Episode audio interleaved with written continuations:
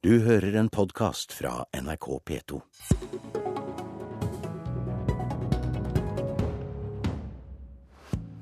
Fra protestbevegelse til regjeringsparti. Fremskrittspartiet har lagt bak seg det første halvåret i regjeringskontorene. Jeg heter eh, Per Arne Bjerke og ønsker velkommen til Politisk kvarter i NRK1 og NRK P2. Første sending etter påske. God morgen, Siv Jensen. Riktig god morgen. I påskeuka kunne Fremskrittspartiet feire sitt første halvår som regjeringsparti. Hva er du mest fornøyd med å ha fått til i løpet av disse seks månedene, hvis du skulle peke ut én en enkelt sak? Det er ikke så lett, for jeg syns vi har fått til veldig mye forenkling, fornyelse og forbedring av det norske samfunnet allerede. Men jeg tror kanskje arveavgiften er at den nå er borte, er noe av det jeg er aller mest stolt av. For det har Fremskrittspartiet slåss for i nesten 40 år. Hva er du mest skuffet over ikke å ha fått til? Jeg er eh, nok skuffet over at eh, det ble flertall i Stortinget for å øke mineraloljeavgiften. Og den er det mange som irriterer seg over rundt omkring i det ganske land. Det var ikke noe Fremskrittspartiet og regjeringen foreslo.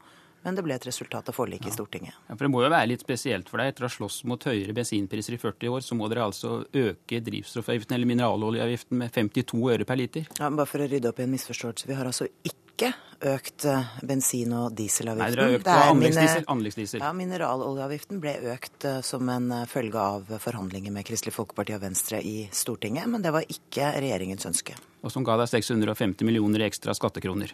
Som, som, KrF og Venstre ville bruke på mange andre formål, ja. Men regjeringen la også frem tidenes skattelette. Vi la frem skattelettelse på over 7000 millioner kroner. Eh, det er mer enn noen annen regjering noensinne har klart på like kort tid, så det er jeg ganske fornøyd med, faktisk. I Dagsrevyen i går presenterte NRK en meningsmåling som viser at 79% av FrPs velgere sier nei til at kommunene skal ta et større ansvar for å få bosatt flyktningene.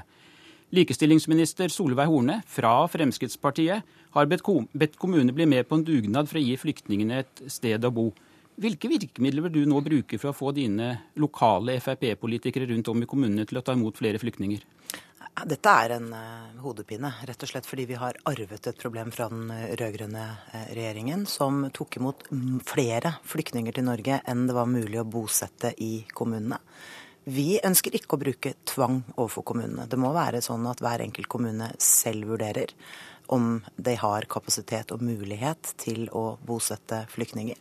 Så dette er en utfordring som vi har arvet, men som vi er nødt til å finne et svar på. Og det handler jo om to ting.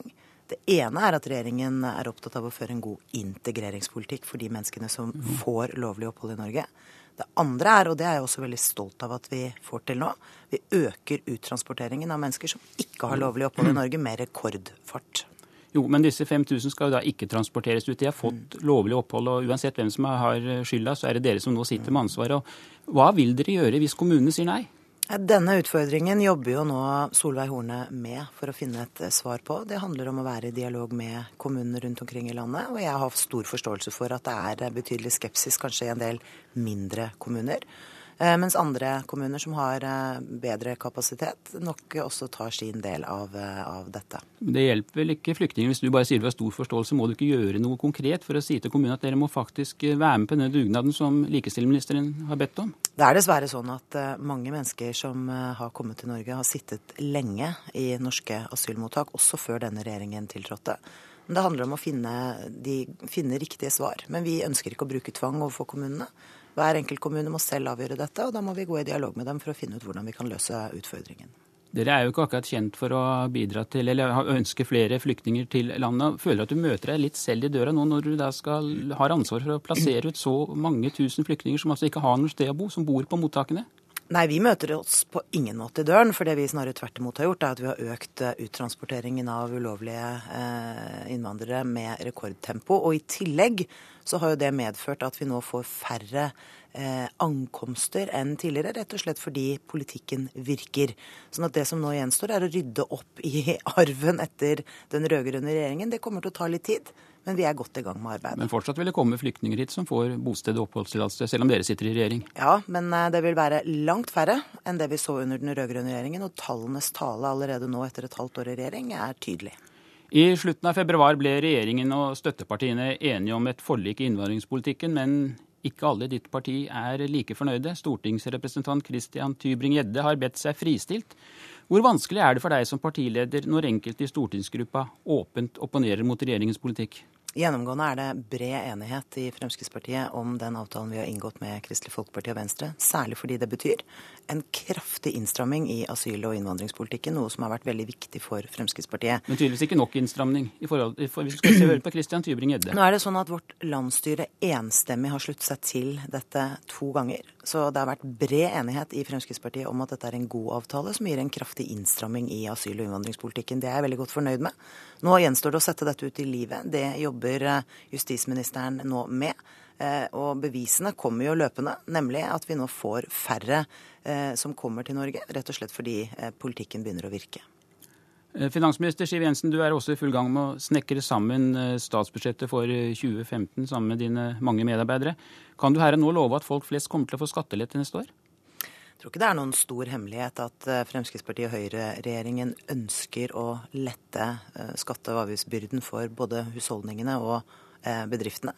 Det handler om at vi trenger eh, konkurransedyktige rammebetingelser som gjør at eh, den delen av industrien som har slitt gjennom veldig mange år, får eh, bedre vilkår og kan trygge arbeidsplasser. Det er viktig.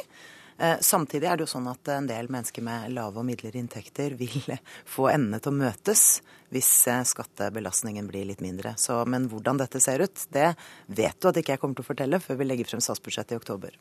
Men hvor mye mer av oljepengene mener du det er forsvarlig å bruke?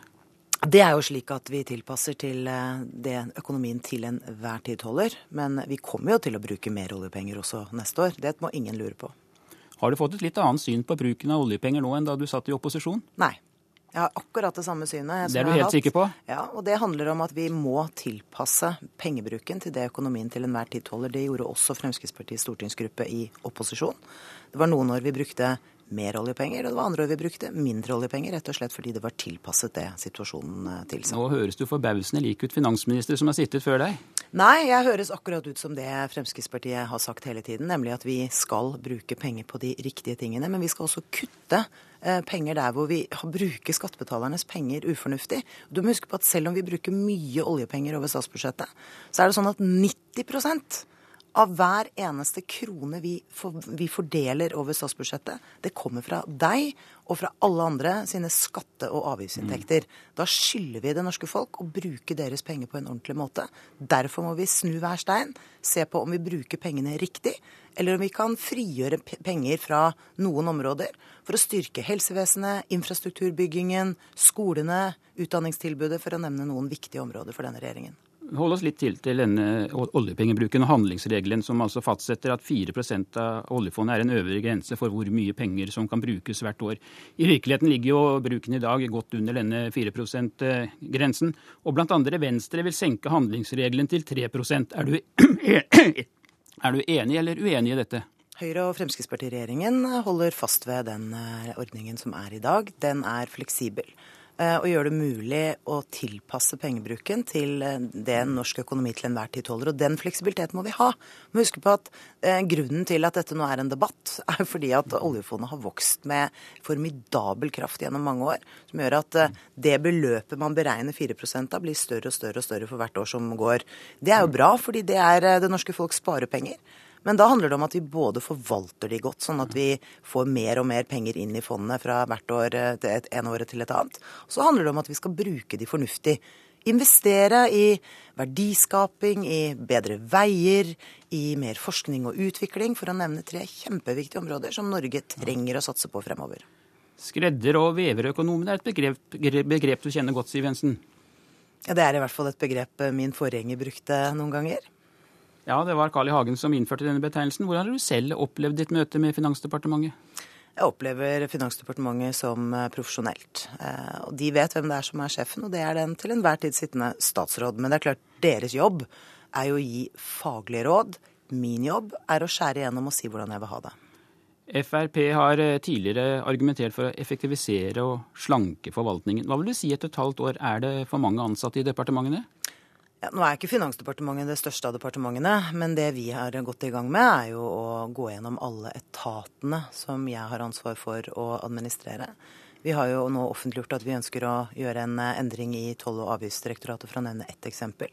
hvor vi vil overføre avgiftsdelen til skatteetaten og rendyrke tolletaten. Og det handler jo både om at vi ønsker å forenkle måten vi forvalter offentlig sektor på, men det handler også om en annen viktig ting, nemlig at vi trenger å styrke tollkontrollen i Norge. Det er altfor mye narkotika ja. som kommer inn over landets grenser, både fysisk over grensene og gjennom postforsendelser. Og det er et arbeid vi må gjøre noe med fordi det også handler om å gjøre folk tryggere i hverdagen. Men det blir kanskje ikke færre offentlig ansatte pga. den omorganiseringen? Nei, men du må huske på at Vi har jo sagt at vi skal gjøre flere ting. Det ene er at vi skal effektivisere driften av offentlig sektor, slik at vi bruker dine og mine skattepenger på en ordentlig måte. Samtidig har vi et eh, ansvar for å gjøre hverdagen tryggere for folk. Og jeg tror det er mange foreldre der ute som bekymrer seg litt når de ser omfanget av narkotika som kommer inn over landets grenser, særlig kanskje noen av de nye stoffene, syntetiske narkotiske stoffer som vi ikke kjenner godt nok enda, og som tollvesenet har ansvar for å avdekke. Eh, Siv Jensen, mens du taler budsjettbalanse og handlingsregel, så må vi vel kunne si at nestleder Per Sandberg snakker mer direkte til FrPs kjernevelgere. Før påske sa han at det må bli lov å spille poker i Norge. Er det en bevisst rollefordeling dette at du fremstår som den ansvarlige statsråden, mens Per Sandberg fronter de sakene som ofte blir forbundet med Frp? Og nå er jeg helt enig med Per Sandberg at vi må gjøre forenklinger når det gjelder pokerspill. Det er også regjeringens politikk, og kulturministeren er godt i gang med å forenkle dette. Men det er greit å ha Per Sandberg som nestleder, som snakker rett, rett fra levra til dine kjernevelgere? Jeg er veldig stolt av Per Sandberg. Han er en meget aktiv politiker. Jeg har sittet sammen med han på Stortinget så lenge jeg selv har vært aktiv politiker. Vi samarbeider veldig godt. Eh, og jeg mener han har en viktig rolle i å være tydelig på både å fortelle om alt det regjeringen gjør, og gi oss utålmodige spark i leggen, sånn at vi holder oss på tærne og jobber eh, hardt og, og, og, produktivt. Nå har du altså hatt et eh, halvt år som statsråd. Hvilke bånd føler du at du må legge på deg nå når du er blitt statsråd, i forhold til at du bare var partileder og opposisjonspolitiker? Jeg må jo legge noen bånd på meg, fordi det handler jo f.eks. om at jeg ikke kan snakke om detaljene i det statsbudsjettet vi sitter og jobber med. Det er jo fristende mange ganger, ikke sant? fordi jeg vet jo eh, hvilke ting vi jobber med og som vi ønsker å presentere for eh, befolkningen til høsten. Eh, det er en uh, uvant rolle, men eh, det er ikke verre enn at det er eh, håndterbart. Og jeg har lyst til å si at det å ha ført Fremskrittspartiet inn i regjering, det er jeg veldig stolt av. Det er et parti som er veldig stolt av at vi nå sitter i regjering for første gang, men vi er utålmodige. Vi vil ha ting gjort.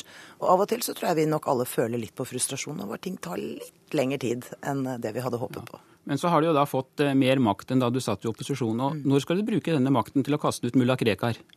Det jobber jo justisministeren med. Det Fremskrittspartiet har sagt, er to ting. Det ene er at vi ønsker at han skal sitte i forvaring eh, i påvente av en uttransportering, og det gjør han.